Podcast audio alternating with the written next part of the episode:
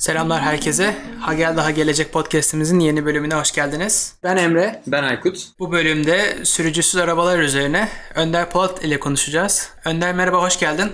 Arkadaşlar merhaba. Hoş geldin Önder. Ee, Önder aramıza şu an San Francisco'dan bağlandı. Ee, orada havalar nasıl Önder? Havalar çok güzel. İnsanlar güneşleniyor. İstersen Önder kısaca kendini tanıt bir. Sonra muhabbete devam ederiz. Tabii e, ben e, aslında Uşaklıyım. E, Ankara ile İzmir'in ortasında küçük bir şehir. Küçük olmasına rağmen bayağı trafik problemi yaşayan bir yer. E, ondan sonra Robert Kolej'de bulundum 5 sene. E, Robert Kolej'den sonra Princeton Üniversitesi'ne geldim Amerika'da. E, oranın teması 2008 kriziydi aslında. E, orada 4 yıl boyunca hep işte devletin finansı, ekonomiyi iyi yönetmesinin önemiyle ilgili düşünerek geçti. Çevremdeki arkadaşlar bununla ilgiliydi hep. E, Stanford'da da şu anda ekonomi doktorumun sonundayım.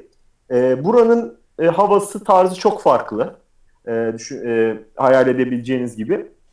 Burada benim alanım reel sektör. Reel sektör çalışıyorum Stanford'da. Bir örnek vermek gerekirse mesela e, geçmiş yıllarda Kaliforniya'da özel, büyük bir kuraklık vardı. Ve biz bu kuraklığa karşı su fiyatlarının düzenlemesiyle ilgili çalıştık. E, bunun yanında mesela sosyal medya şirketlerine reklam veren e, reklamcıların daha hızlı kara, karar verebilmesi için e, istatistiki e, yardımcı olabilecek yöntemler geliştirmiştim daha önce. E, yine yeni nesil taksi şirketlerinin bu Uber gibi mesela mevcut ulaşım biçimleri üzerindeki etkileriyle ilgili çalışmıştım.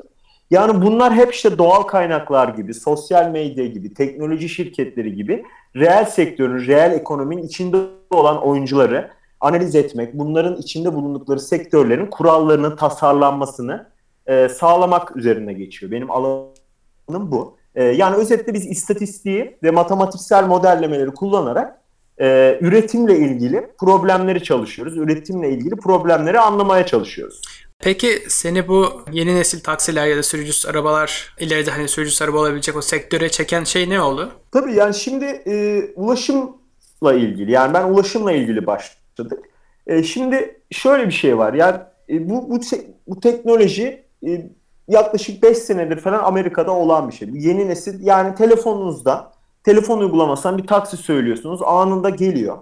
E, bunlar sarı taksiler gibi değil çok yeni arabalar ücretler çok çok daha ucuz, çok güvenli ve bunlar Amerika'da özellikle dünyanın çeşitli ülkelerinde normal taksileri baya bertaraf etti, baya büyüdüler. Yani bu şirketler biz mesela bugün bir şey ararken internetten Google'lamak diyoruz. Artık özellikle Amerika'da Uber'lemek başladı. Yani taksinin bir anlamda e, bunlar e, taksi olarak yani taksilerin tamamen yerine geçtiler. E, bunlar 10 milyarlarca dolar değeri ulaştı. Yani Uber'le Lyft'in bugün çok önemli şirket bunlar bu alanda. 70 milyar dolara aştı bunların değerleri. Ama burada şöyle bir durum var. Bu 2015 yılında ben e, bu fikre daha çok ulaştım. Burada bu şirketler çok büyükler. İnanılmaz sayıda müşterileri var. Çok fazla değerleri var. Fakat bu şirketler kar etmiyor. Bu şirketlerde çalışan e, arabalar var. Sizin her, her mesela Emre kendi arabasıyla bugün Uber'de çalışabiliyor. Ama bu insanların çoğu part time. Bu insanların e, bu, bu şirketler e, elde ettikleri paraların yüzde seksenini kadar e, şoförlere vermek zorundalar. Ve çok büyümelerine rağmen, çok fazla yatırım yapmalarına rağmen bu şirketler aslında zarar ediyorlar. Ee, ya peki peki bu kadar zarar ederek e, nasıl bunlar böyle var olabiliyorlar, büyüyorlar, yatırım alabiliyorlar? Haklısınız. Burada tabii geleceğe yatırım var. Yani diyorsunuz ki yatırımcılara hani benim çok müşterim var. Ben şu anda zarar ediyorum ama siz bana işte 1 milyar dolar atarsanız ufacık bir meblağ. ben e, ya bu yatırım alarak geleceğe yatırım bunlar hepsi. Burada amaç e, yeteri kadar kullanıcıyı e, sisteme alıştırmak, e, ayağını alıştırmak diyelim. Böylelikle e, şu anda zarar etse bile şirket umudu ileride belki de kar edecek konuma geçeriz. Kar edecek pozisyonu. Potansiyele aslında yatırım yapılmış oluyor. Aynen öyle. Aykut'un dediği gibi potansiyele yatırım yapıyor ve bu potansiyel bağlamında sürücüsüz arabalar konusu ortaya çıktı. Çünkü şu anda baktığınız zaman yani bu şirketlerin paralarının, kazandıkları paraların çok çok büyük bir kısmı zaten şoförlere gidiyor. Zarar ediyorlar. Burada sürücüsüz arabalar şöyle bir alternatif ortaya çıkarıyor. Ee, Uber gibi, Lyft gibi şirketlerin sürücüsüz arabaları olursa e, bu masraflardan kaçınmış olacaklar ve yani kar edebilecek hale gelecekler. Gelebilirler. E, yani açıkçası benim kendi görüşüm var. Bu sektörün kurtuluşunun da çok önemli bir yolu bu. E, bu şekilde düşündüğüm için ben bu konuya eğildim.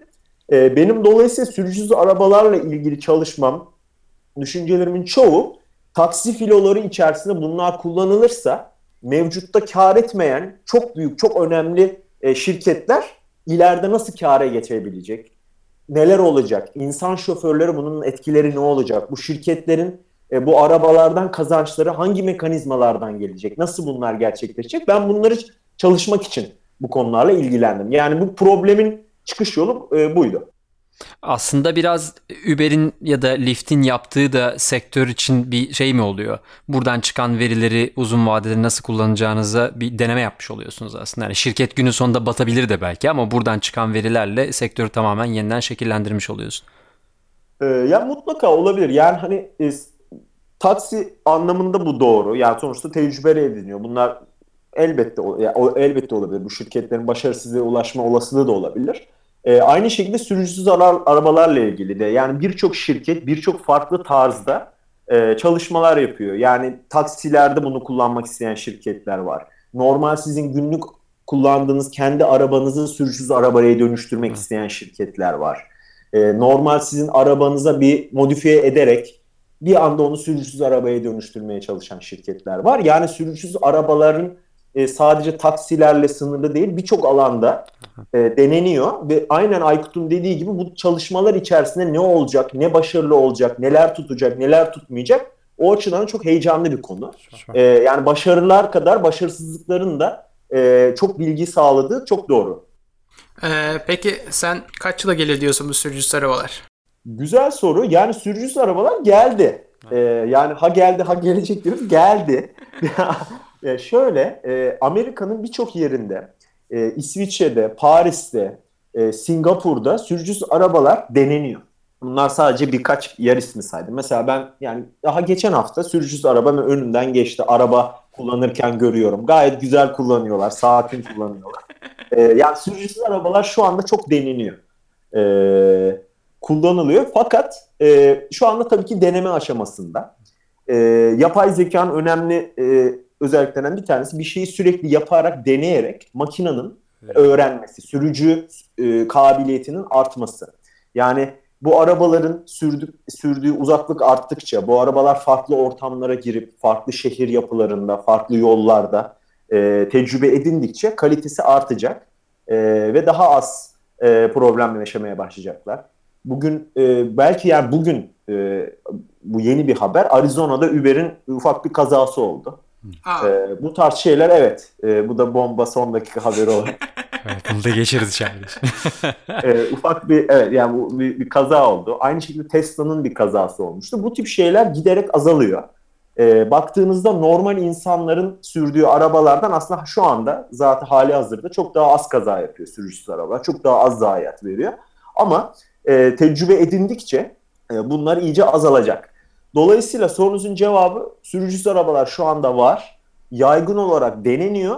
E, artık iyice piyasada bir ürün haline gelme aşamasına yavaş yavaş geçmek üzere. Bu da tabii birkaç yıl alabilir diye düşünüyorum. Yani yemeği pişirdik soğumasını bekliyoruz yemek için. Bir şey kalmamış o zaman. Evet işte tabaklar hazırlanacak, yeme içme adabı belirlenecek. Yani devletler kurallar koyacaklar, tabii. sigorta şirketleri kaza olursa ne olacak vesaire vesaire. Bunlar e, yani çok heyecanlı bir alan aslında. Birkaç sene içinde e, bunun ürün olarak çıkmasını bekliyorum açıkçası. Peki e, dedin ki işte ben hani real sektör üzerine uğraşıyorum. Hı hı. Ee, peki bu sürücüsüz arabalar gelince yani ekonomide bu sadece taksicileri işsiz mi bırakacak yoksa bunun daha nasıl etkileri olacak? Ya bu çok güzel bir soru. Aslında bunu e, şöyle düşünelim beraber. Yani hangi ülkeyi düşünüyoruz, hangi ortamı düşünüyoruz? Aslında bu da çok önemli. Ee, ilk başta Amerika konuşalım, evet, sonra bir, sonra Türkiye bir Türkiye'de ne oluyor ona da bakarız. Tabii ya çünkü ortamına göre çok değişiyor bunlar. Ya şöyle bir şey, Amerika'da tabii ki taksicilerin işi çok zora gireceğini düşünüyorum. E, Amerika'da e, sarı taksi dediğimiz klasik taksileri süren yüz binlerce insan var. Yine bu Uber ve Lyft'i kullanan e, Uber ve Lyft şoförlüğü yapan yine yüz binlerce insanlar insan var ve Bu insanlar bu işleri kariyer haline getirdi. Böyle arabaların çıkması tabii ki e, şirketler hiç komisyon vermeyeceği için şoförlere tabii ki böyle arabaları yönelecektir. E, böyle arabaların şöyle bir özelliği var. Arabalar tabii 24 saat çalışabildiği için 24 saat boyunca size bir rakip ortaya çıkıyor. Yani gece gece çalışıyor, gündüz çalışıyor. Hani böyle bir taksi şoförlerin belirli bir zaman seçme olayları var. Özellikle part time çalışan şoförün. Hani ben şu saatte çalışayım, şöyle müşterileri alayım, kısa zamanda iyi para yapayım, hayatıma devam edeyim düşüncesi var taksicilerde ve bunu yapıyorlar aktif olarak. Bu da ortadan kalkabilir e, sürücüsüz arabalarla. Çünkü bir robot sürekli çalışıyor, sürekli işliyor, sürekli şey yapıyor. Sizin e, yani fırsattan istifade ede, edebileceğiniz e, açıkları biraz kapatıyor. E, böyle bir durum olacaktır. Bunun dışında Amerika'da tır ulaşımı çok önemli. E, Amerika çok büyük bir ülke. E, Meksika ile olsun, Kanada ile olsun bayağı ticaret yapıyorlar ve burada kara ulaşımı çok önemli. E, tır ticaretinin de en önemli problemlerinden bir tanesi tır şoförü bir anda çok uzun araba kullanamıyor. Bunun kanunlarla da bu yasak. Şoförsüz tırlar geldiği zaman e, siz ulaşımı çok daha hızlı bir şekilde burada bir ürettiğiniz bir ürünü atıyorum Kaliforniya'dan e, Meksika'ya ulaştırabileceksiniz ya da New York'a ulaştırabileceksiniz. Çünkü tırlar durmadan sürekli gidebilecek. E, burada tır şoförleri işlerini kaybedecek mi sorusu e, önemli bir soru. Çünkü çok tır şoförü var e, Amerika'da. E, burada şöyle bir şey var. Yani bu ulaşım sektöründe sonuçta yine sizin in, insana ihtiyacınız var. Siz tırla malı götürdüğünüz zaman bir yerden bir yere sonuçta o malı oradan çıkaracak. Onun e, işte dağıtımını da orada bakacak. E, malı götürdüğünüz yerin sahibiyle konuşacak. Oradaki giriş çıkışı yapacak. Sonuçta bir insana ihtiyacınız var. Dolayısıyla hani bu tırların hiç insansız gidip geleceğini ben açıkçası düşünmüyorum. Ama bu işi yapacak kişilere şoförlük yapmayacak. Yani bir anlamda tır şoförlüğü mesleğinin birazcık daha böyle beyaz yakalılaşmasını görebiliriz. Yani biraz belki şöyle bir şeye dönüyor olabilir. Aslında senin sorunu çok kesmiş olmayayım. Ee, bir anda sen konuşurken onu düşünüyordum. Ee, eskiden yani İstanbul'da da vardır. Taksi taksi plakası sahipliği olayı hala devam ediyor. Bundan sonra herhalde tır şoförlüğü yapmak yerine robot tır sahipliği işte 10 tane tırım olsun onu işleteyim kiralayayım gibi bir iş çıkacak o zaman. Vallahi evet düşünelim yani aranızda eğer... Bunu yapabiliriz ya. beraber. Ya burada maalesef şöyle bir şey var. Aslında çok e, önemli bir konuya değindi. Yani burada e, değeri üreten kapital kime ait sorusu çok önemli. Burada şöyle bir maalesef şöyle bir durum ortaya çıkıyor. Ee, eğer bu tırlar sıfırdan yapılan şeylerse genelde bunları büyük şirketler yapıyor. Büyük şirketler sahibi oluyor.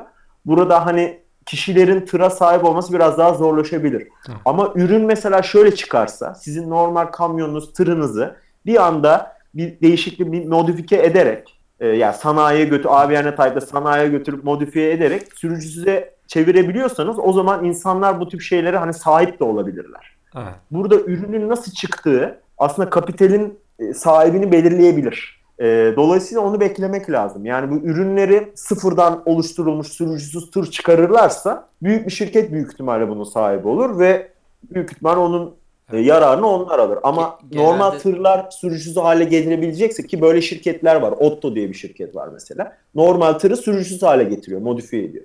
O zaman normal bir tır sahibi bir anda e, robot tır sahibine dönüşebilir. Bu Otto Uber'in satın aldığı şirket değil mi? E, evet. E, bu Otto'nun hikayesi şöyle. Google'da çalışan, e, Google'da da sürücüsüz araba yapılıyor biliyorsunuz. Google'ın yöntemi sıfırdan biz bu arabayı oluşturalım gibiydi. Google'da bu, bu, bu durumdan memnun olmayan bazı mühendisler istifa ettiler. Biz sıfırdan araba yapmayalım. Araba işine girmek zor. Fabrika işine girmek zor. Biz normal arabaları modifiye edelim. Bir anda bunlar sürücüsüz olsun e, düşüncesiyle ayrıldılar e, ve Otto'yu kurdular. Uber de daha sonra kendi sürücüsüz arabaları Uber kendisi de kullanmak istiyor. Carnegie Mellon'da bir laboratuvar aldı. Çok büyük bir laboratuvar tamamen aldı. Otto'yu da 600 milyon dolar gibi bir bedelle e, satın aldılar. Bu, bu satın alma sürecinde galiba şu an bayağı magazin dönüyor. İşte Google'ın Google'ın e, IP'sini, intellectual property'sini çaldı, çalmadı, ne oldu, ne oluyor orada? Herkes birbirine savaş açıyor tabii işte. Evet, bu e, ya Emre'nin dediği çok hayati bir konu. E, evet böyle bir şey var. Yani Google'dan ayrılan, istifa eden mühendislerden bahsetmiştim ben. E, bu mühendislerin bir, bir tanesinin özellikle e, Google'da kullanılan bazı bilgileri bilgisayarlarına indirdiği e, suçlaması var. Eğer böyle bir şey var ise bu çok büyük bir davaya getirir. Milyar dolarlık tazminatları getirir. E, ve Uber için çok Büyük yıkıcı darbe. olur. Çok yıkıcı olur. Ama böyle suçlamalar var. Bakalım yani kanuni süreç işlediği için bitmediği için ben de hani yorum yapmak istemiyorum ama şey bu yani. Da dava etkilemek evet, istemiyorsun yani. Türkiye'de dava sürecek. Ama arkadan yani her türlü iş yapılır.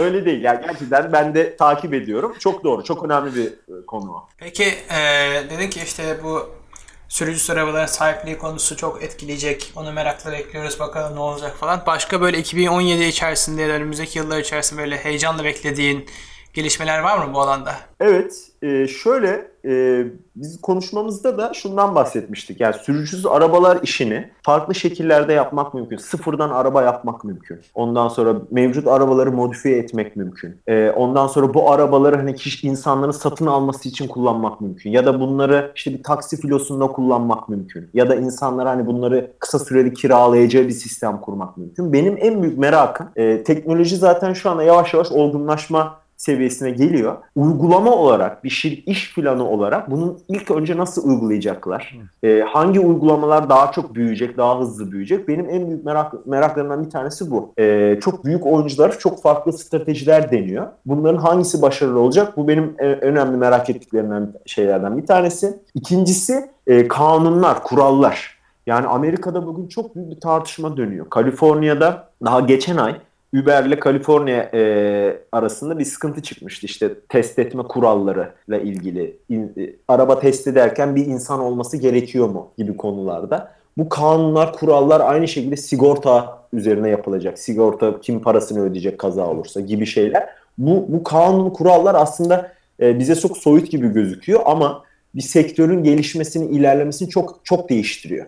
E, mesela ben size Arizona'dan örnek vereyim. Arizona çok hızlı bir şekilde gelin bize test edin dedi. Tamamen kucağını açtı ve bir anda Arizona'da daha çok test edilmeye başladı. Aynı şeyi Michigan yapmaya başladı. Yani eyaletler arasındaki rekabet, ülkeler arasındaki rekabet. Mesela Singapur bu işe çok e, destek veriyor.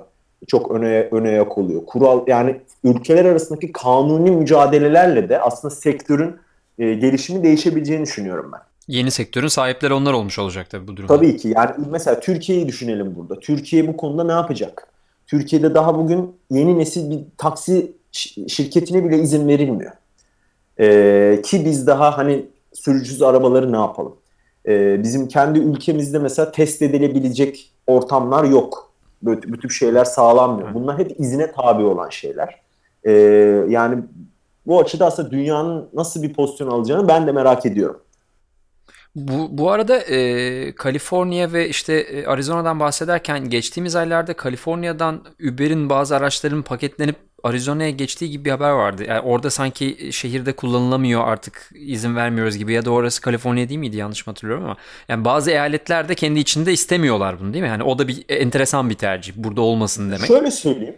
Şöyle söyleyeyim. Kaliforniya'daki olay şöyle gelişti. Uber e, startup bu şirketlerin genel davranış biçimi biz e, derme çatma başlayalım.